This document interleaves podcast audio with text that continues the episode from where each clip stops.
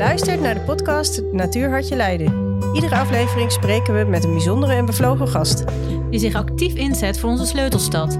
Laat je verwonderen.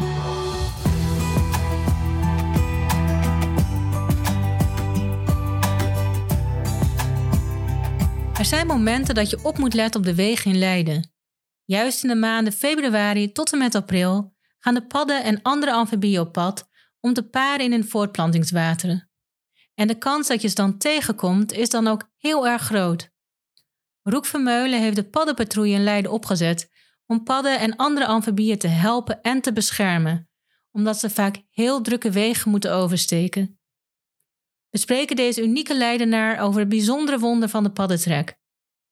En Roek is ook voorzitter van Stichting Groen Kronestein, het indrukwekkende polderpark nabij station Lammeschans, waar menig mens graag een wandeling maakt en vele dier, plant en boomsoorten leven. Kortom, we hebben genoeg te bespreken over amfibieën en polderpark Kronestein. Welkom Roek. Dankjewel. Laten we beginnen bij de paddentrek. De, de paddenpatrouille is onderdeel van de Koninklijke Nederlandse Natuurhistorische Vereniging, een hele mond vol.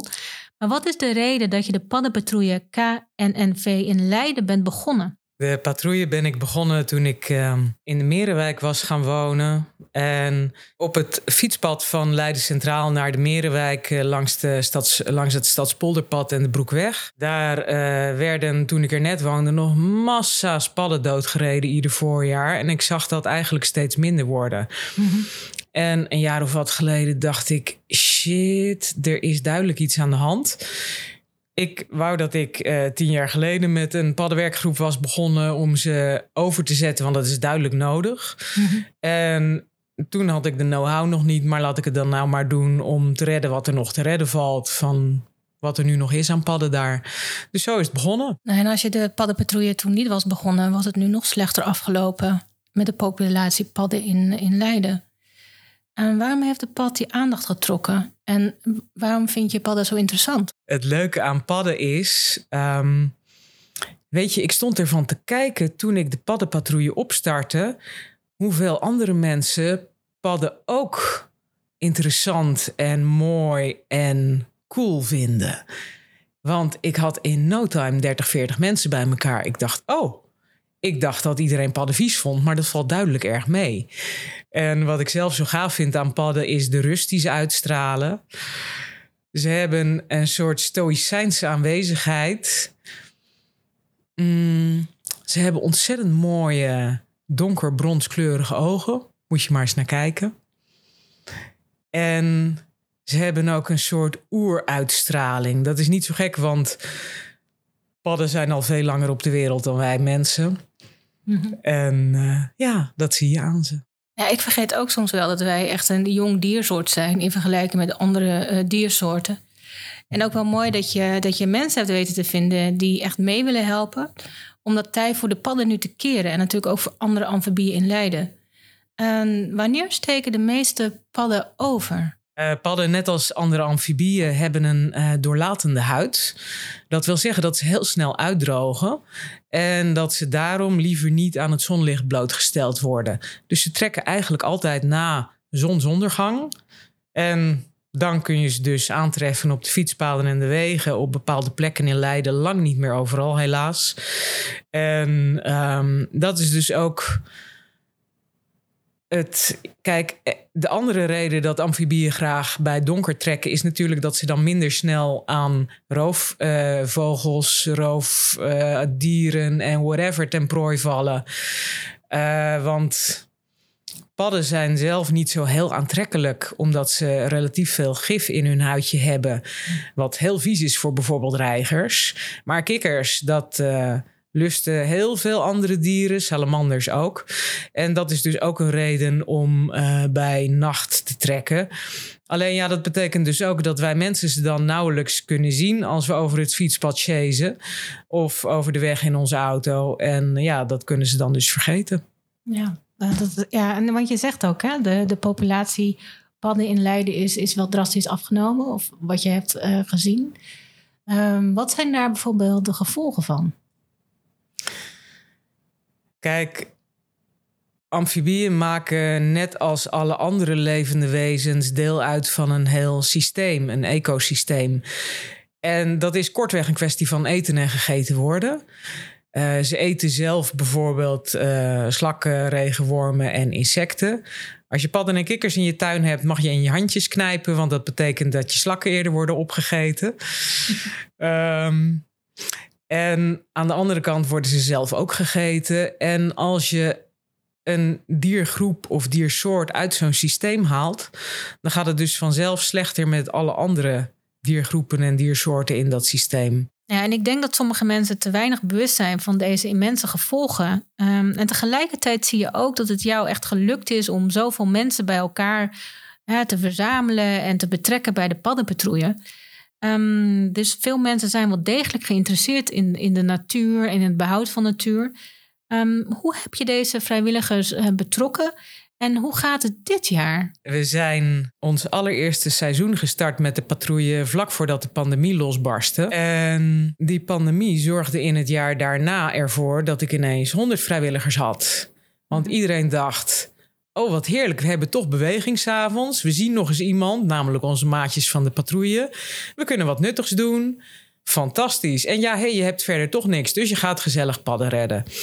en het jaar daarna werden het er nog meer. Toen hadden we ineens 130 vrijwilligers. En uh, zo is dat gegaan. En zodoende konden we dus ook het aantal locaties uitbreiden. In het eerste jaar al bleken er meer plekken te zijn dan alleen Broekweg en Stadspolderpad. En konden we naar nog een paar plekken in Leiden uitbreiden. En het jaar daarna werden er nog wat meer. En intussen zitten we op acht locaties. Ja, het is natuurlijk echt wel geweldig om te horen hoeveel mensen op pad gaan om padden te helpen. En andere amfibieën natuurlijk. En stel je voor, ik wil me aanmelden als vrijwilliger en ik mag de, patrouille lopen. Uh, waar moet ik eigenlijk allemaal rekening mee houden? Ja, wat je moet doen als je amfibieën gaat overzetten. Kijk, kikkers hebben zelden onze hulp nodig, want die kunnen flink springen. Dus die zijn in een paar sprongen het fietspad over of de weg. Dat scheelt enorm. Uh, padden en salamanders zijn veel trager, dus die moeten geholpen worden. Dus je moet even weten hoe je die moet oppakken. En wat heel goed is om te beseffen is. Amfibieën zijn allemaal heel honkvast en hebben vaste routes. Mhm. Je moet ze dus niet te ver verplaatsen. Dat is iets wat ik de paddenpatrouille vrijwilligers echt inprent. Zet ze ook nooit in het water, want ze mogen zelf weten waar ze te water gaan en wanneer.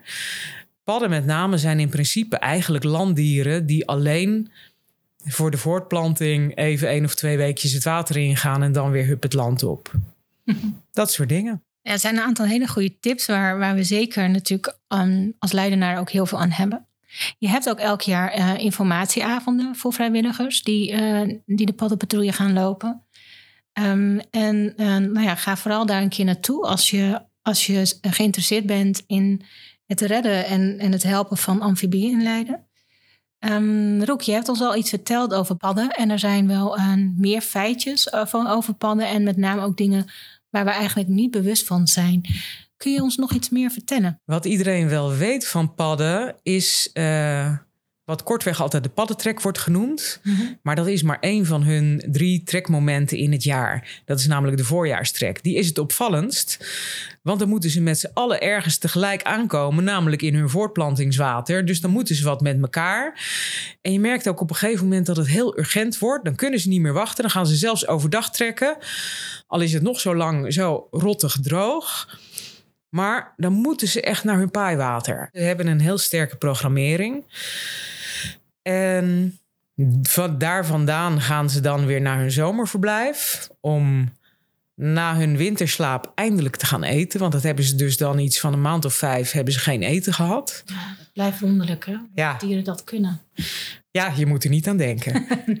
En um, um, dan gaan ze zich ergens in een tuin of in de bosjes of zo uh, lekker rondeten als het goed is. Dat gaat dus ook alleen maar als het niet te droog is. Als er genoeg slakken en regenwormen zijn. Mhm. Als de insectenpopulaties niet te erg achteruit zijn gegaan.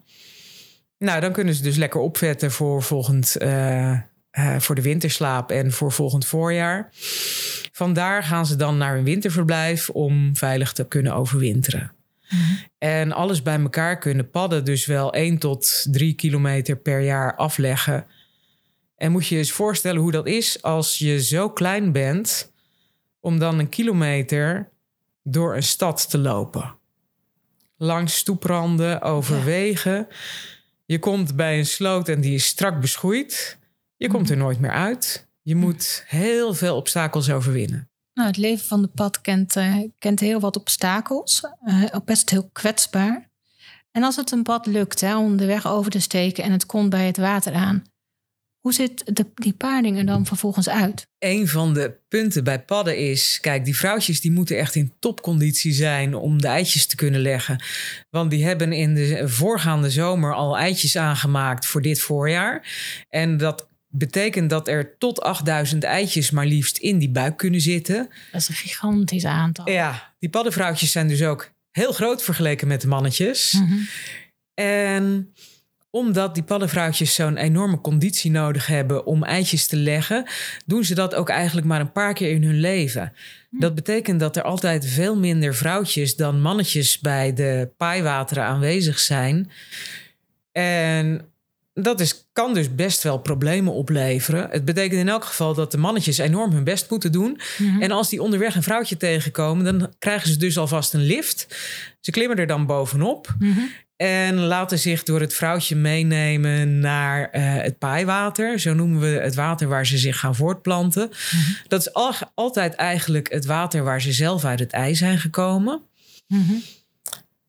En als je zo'n mannetje oppakt dat al bovenop een vrouwtje zit, Mhm. dan kunnen ze verschrikkelijk gaan schelden en vloeken. En dat is echt superleuk. Je, we, we denken allemaal aan padden als beestjes die nooit wat zeggen. Mhm. Dat klopt ook.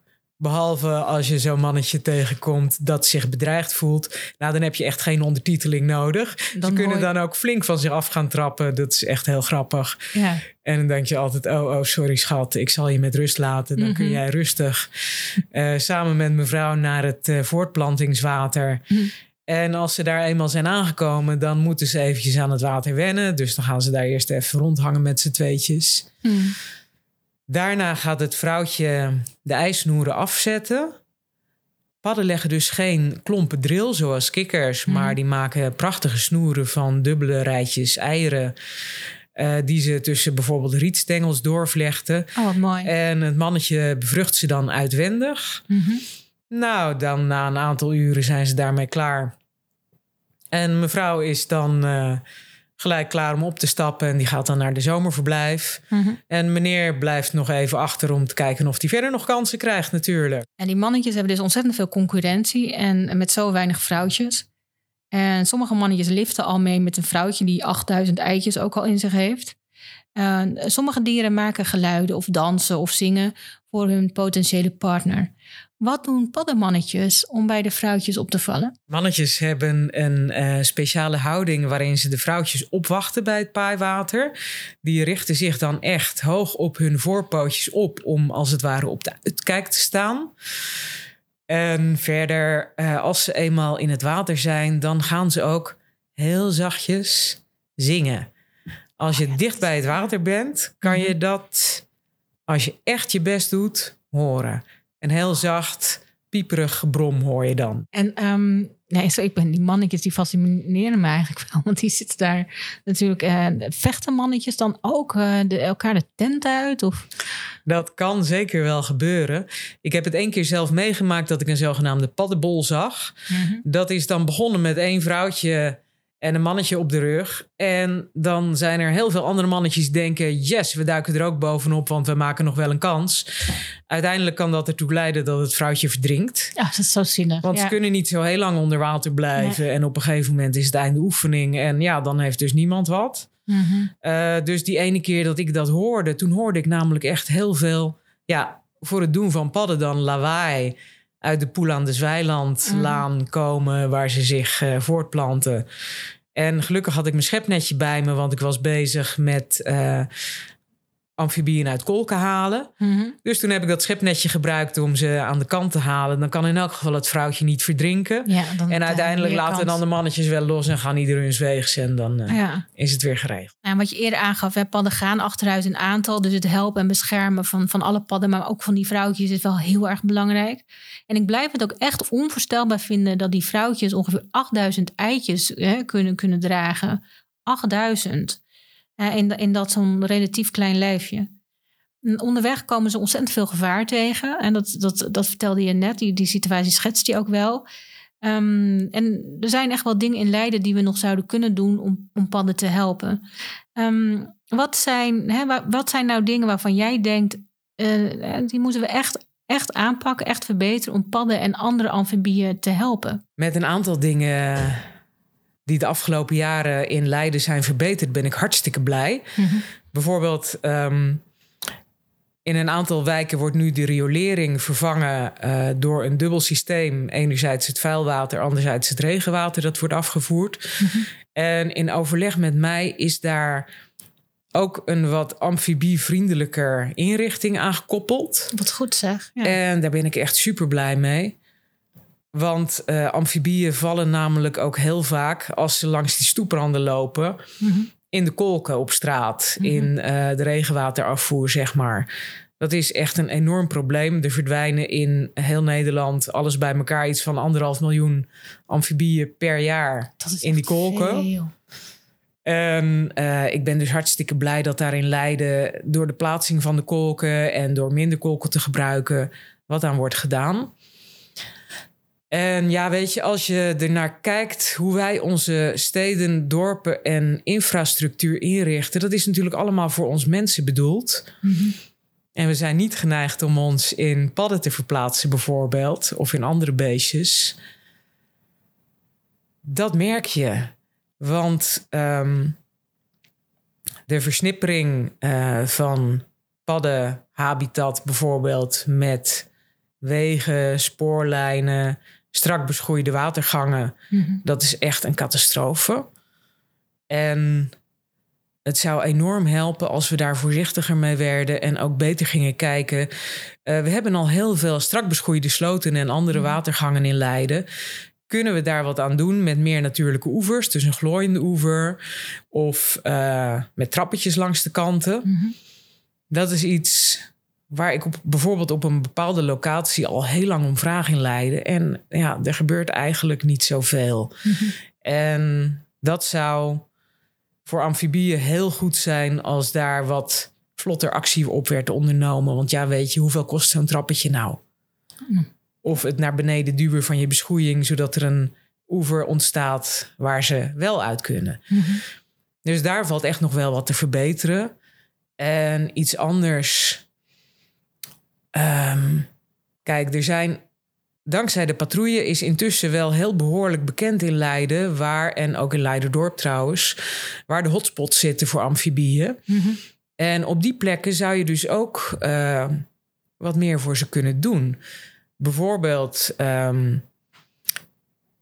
bij de eh, aanleg van eh, de ringleiden Noord Mhm. ehm, wordt ook de oude spoorbaan opnieuw ingericht. Als we daar nou genoeg faunapassages onderweg door krijgen, dan scheelt dat een slok op een borrel Mhm. voor alle amfibieën die daar anders straks een weg over moeten waar 70 km per uur wordt gereden. nou ja, dat is het Ja. officiële maximum. Dat betekent natuurlijk dat er harder wordt gereden. Ja, veel. Ja, en dan wel. kan je het dus als pad vergeten. Ja, en dan heb je als pad natuurlijk geen schijn van kans. De snelheid die een pad maakt in vergelijking met de voorbijrazende auto's is, is wel enorm traag. Eh, en dat kost heel veel levens. Helaas kan de paddenpatrouille niet lopen op wegen waar je met zo'n hoge snelheid kunt rijden. Ehm, dus andere oplossingen zijn dan echt wel noodzakelijk. En aan de ene kant is het echt wel mooi om te zien dat je bij, bij projecten betrokken wordt als expert. En anderzijds is het ook jammer dat het bij andere projecten juist nog niet gebeurt. Eh, en waarschijnlijk omdat we nog te veel uitgaan van dat mensbeeld hè, denken, de mens centraal stellen, bij projecten in plaats van in dat gebied te kijken naar de gehele ecologie en daar onze plannen op af te stemmen. Ehm, wat kunnen Leidenaren eigenlijk eh, zelf doen om een handje te helpen? Meer dan ze denken waarschijnlijk. wat je zelf kan doen als je een pad of salamander op straat tegenkomt, is even kijken of die zich gaat redden of dat hij zo meteen wordt doodgereden. En als je denkt, oké, deze moet ik eigenlijk even een opkontje geven, pak hem dan gewoon op. Salamanders kun je mooi aan hun staartje pakken en dan in je hand leggen. En eh, padden zijn over het algemeen heel makkelijk op te pakken. Wees ook niet te bang dat het vies is of zo. Je krijgt er niks van. Je wast je handen als je thuis komt, klaar. Alleen als je net een zak chips hebt gegeten, pak dan alsjeblieft geen pad op. Want dat zout, dat vreet zich in hun huid. Oeh, dat doet pijn. Ja, Tenminste, eh, precies. ja, dat, En als je zo'n beestje oppakt, zet hem dan in de dichtstbijzijnde berm. Gewoon op een plekje waar die veilig is. Mhm. Ehm, ga er verder niet mee aan de sjouw. Want wat ik al zei, ze zijn honkvast. Ja. En wat verder, denk ik, het belangrijkste is, wat iedereen zelf kan doen. Niet alleen voor padden en salamanders en zo, maar ook voor andere beestjes, is als je een tuin hebt, ga hem dan alsjeblieft niet betegelen. ja, dat horen we heel vaak. Die En tegelen van tuinen is echt funest. ja, klopt. Dat is geheid een factor in de afname van padden en andere beestjes in de stad. Dus doe dat alsjeblieft niet. Heb je al een betegelde tuin? Haal er wat eh, tegels uit, zet er wat planten in, liefst zonder gif natuurlijk. Wat Mhm. zeg ik, gifvrij is echt een must, anders kan je het ook wel laten. Ja. En dat betekent dan dat je tuin meer vocht vasthoudt, dat de beestjes te kunnen schuilen, dat je meer insecten krijgt. Iedereen blij. Het is eigenlijk heel makkelijk. Maak een paar rommelhoekjes, laat een takkenhoop liggen, maak een lekker steenhoopje. Het ziet er gezellig uit en je salamanders kunnen er overwinteren. Mhm. En een vijvertje kan ook heel simpel zijn. Ik heb zelf een ingegraven cementkuip in mijn tuin, waar sinds een aantal jaren ieder voorjaar de salamanders komen paaien. Nou, je kunt dus heel veel doen in je tuin. En dat hebben we eigenlijk al heel vaak gehoord. Zonder dat je ontzettend veel hoeft te veranderen. En in ons parken gebeurt eigenlijk ook al heel veel. Eh, want laatst liepen Laura en ik door Park Kronenstein. En wij zagen een aantal medewerkers van de gemeente aan de slag. Ehm, en we raakten met elkaar in gesprek. En ze vertelden ons dat zij een kleine plas aan het uitgraven wa- eh, waren op dat moment. eh, voor amfibieën en andere dieren. Nou ja, dat is natuurlijk super tof. En ik weet dat je voorzitter bent van de Stichting Park Kronenstein. Dus dat is misschien wel een leuk bruggetje om nu eh, over het park te gaan praten. Eh, ben jij bij dit project betrokken geweest? Ja, zeker. Dat hoort namelijk bij de renovatie van Polderpark Kronenstein. Zoals die is afgesproken in het laatste beheerplan.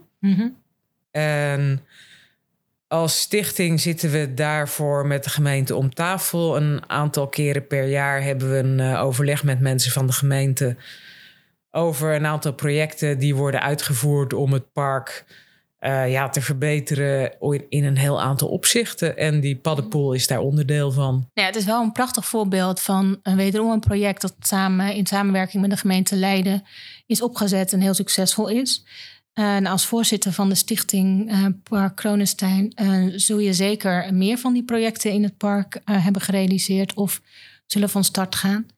Als je in het park loopt, ehm, welke dieren of bomen of andere levensvormen komen dan eigenlijk in het park voor? Heel veel, te veel om op te noemen eigenlijk. Het fijne van Polderpark Kronenstein is dat het een heel divers park is met heel veel verschillende soorten landschap. Je hebt er rietkragen, je hebt er vrij oud bos in het landgoedbos, eh, jonger bos in het reigersbos. Je hebt er eh bossages overal langs de randen. Je hebt weidevogelgrasland, ruigtes, grienden. En niet te vergeten de moerastuin, die wel een bijzondere rol altijd in het geheel heeft gespeeld. Dat is ook een mooi uitzicht trouwens. Ja, Mhm. is prachtig.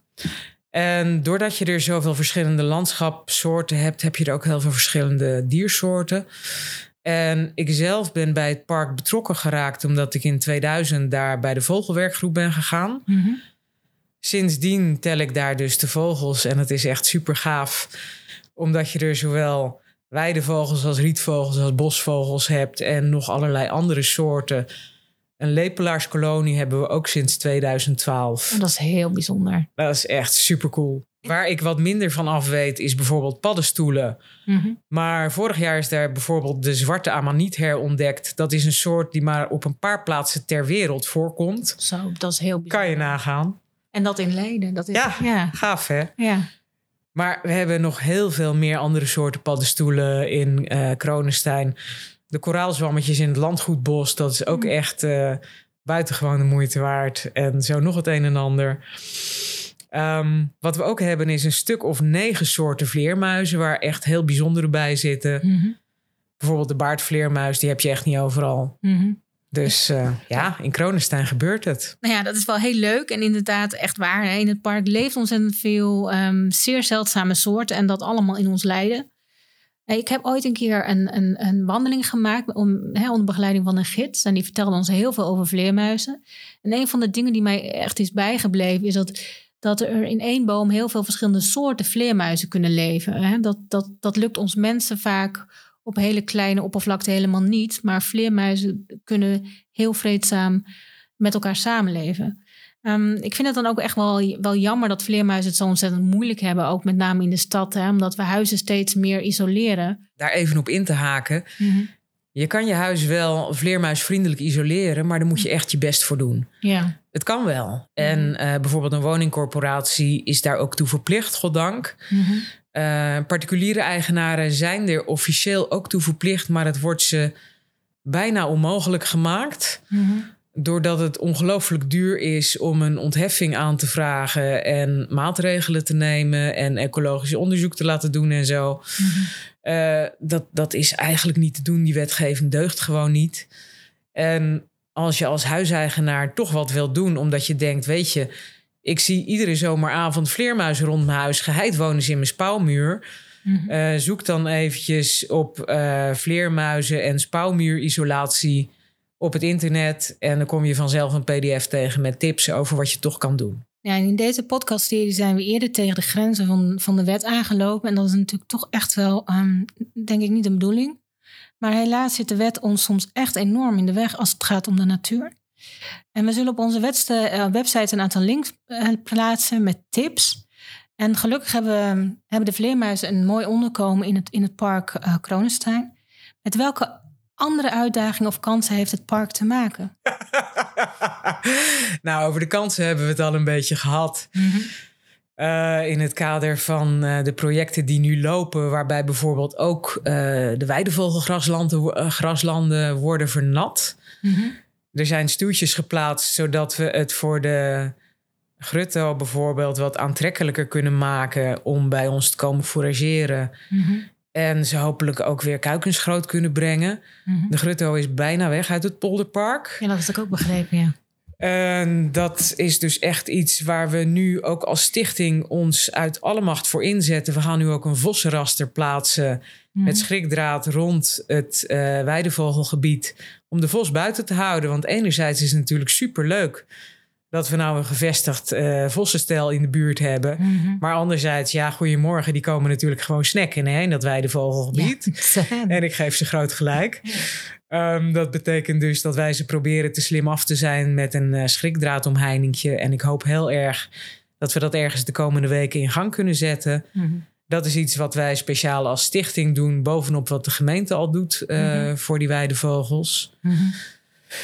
En wat de uitdagingen betreft, ja, dat zijn er nogal wat. Kronenstein heeft natuurlijk net als alle andere gebieden in de Randstad te maken met eh, stikstofvervuiling. Ja. Dat merk je ook aan bijvoorbeeld de achteruitgang van de moerastuin.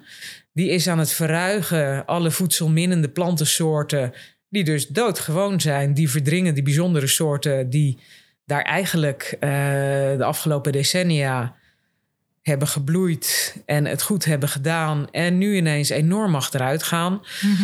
Dat komt ook wel een beetje door achterstallig onderhoud, maar niet uitsluitend. En daar zullen we dus de komende jaren heel hard aan moeten trekken. Mhm. En dat is ook iets waar de stichting de gemeente een beetje bij helpt met eh, dat soort zaken. Dat Wij pakken ook echt wel het, eh, het onderhoud van het park op. eh, ook met bijvoorbeeld de bestrijding van exoten. Mhm. Zoals de reusberenklauw en eh, de Japanse duizendknoop.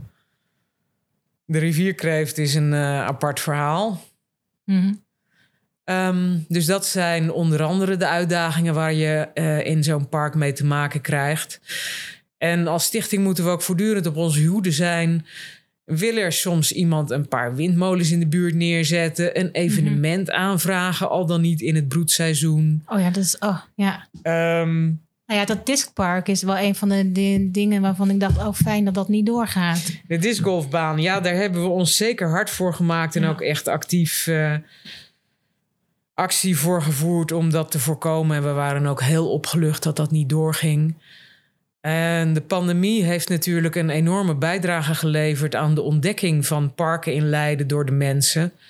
En in die zin was het heel goed. Veel meer mensen zijn de natuur ingegaan en hebben daar de mooie kanten van ontdekt. Mhm.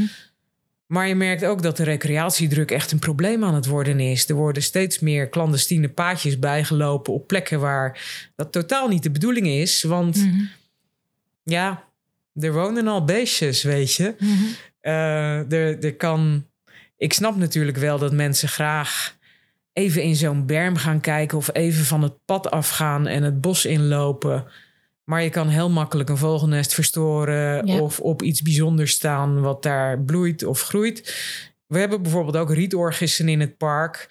Eh, ja, moet je er alleen niet op gaan staan. Mhm. Dat geldt ook voor een heel bijzondere paddenstoel die daar vorig jaar is herontdekt. Ja, als je er per ongeluk op, op gaat staan en ja, eh, dat dat, gedaan doen, met die bijzondere paddenstoel. dat doen genoeg ja. mensen. Ja, Ja. Je, je kan meer kapot maken dan je lief is, zeg maar. Nou ja, dat verwoord je heel treffend. En het is ook zo. Er leeft ontzettend veel in de berm. En we hebben vorige week met een bodemexpert gesproken.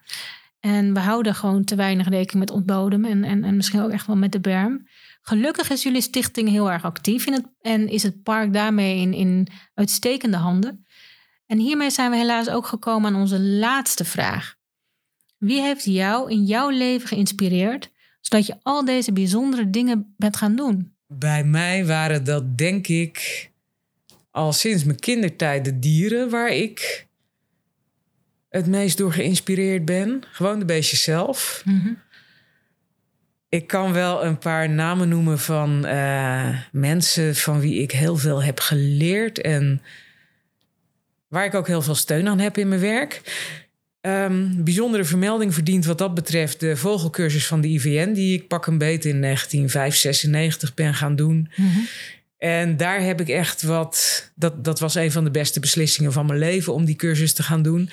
Want als je eenmaal vogelgeluiden kunt herkennen en wat van vogels weet, dan is dat gewoon een gigantische verrijking voor je dagelijks leven.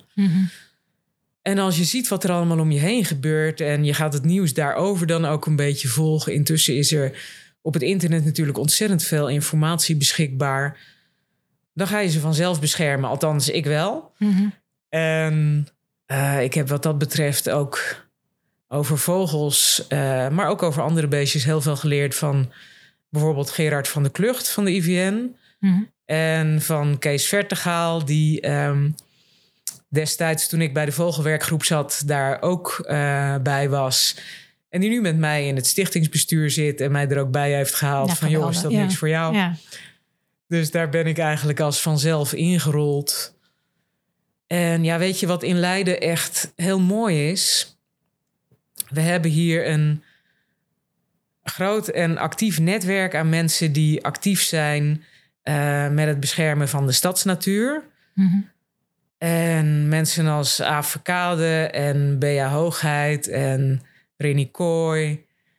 Maar ook heel veel mensen die bij de gemeente werken. Mhm. Zeker. Ja. Eh, mensen als Gerpieter Wilbrink en Wouter Moerland en Chris de Graaf... die allemaal op hun eigen manier een hart voor de stadsnatuur hebben... en er wat voor doen. Mhm. Dat is echt super gaaf om daar deel van uit te maken. Dat is weer een heel mooi einde van dit inspirerende gesprek. Ontzettend bedankt, Roek, eh, voor het delen van de informatie over de paddentrek en, en alle interessante feiten over deze bijzondere dieren. En natuurlijk ook over de diversiteit van en in Park Kronenstein.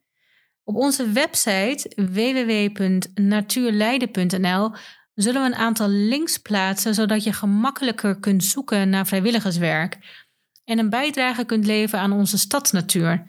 Op een manier die natuurlijk bij jou past qua tijdsbesteding of mogelijkheden.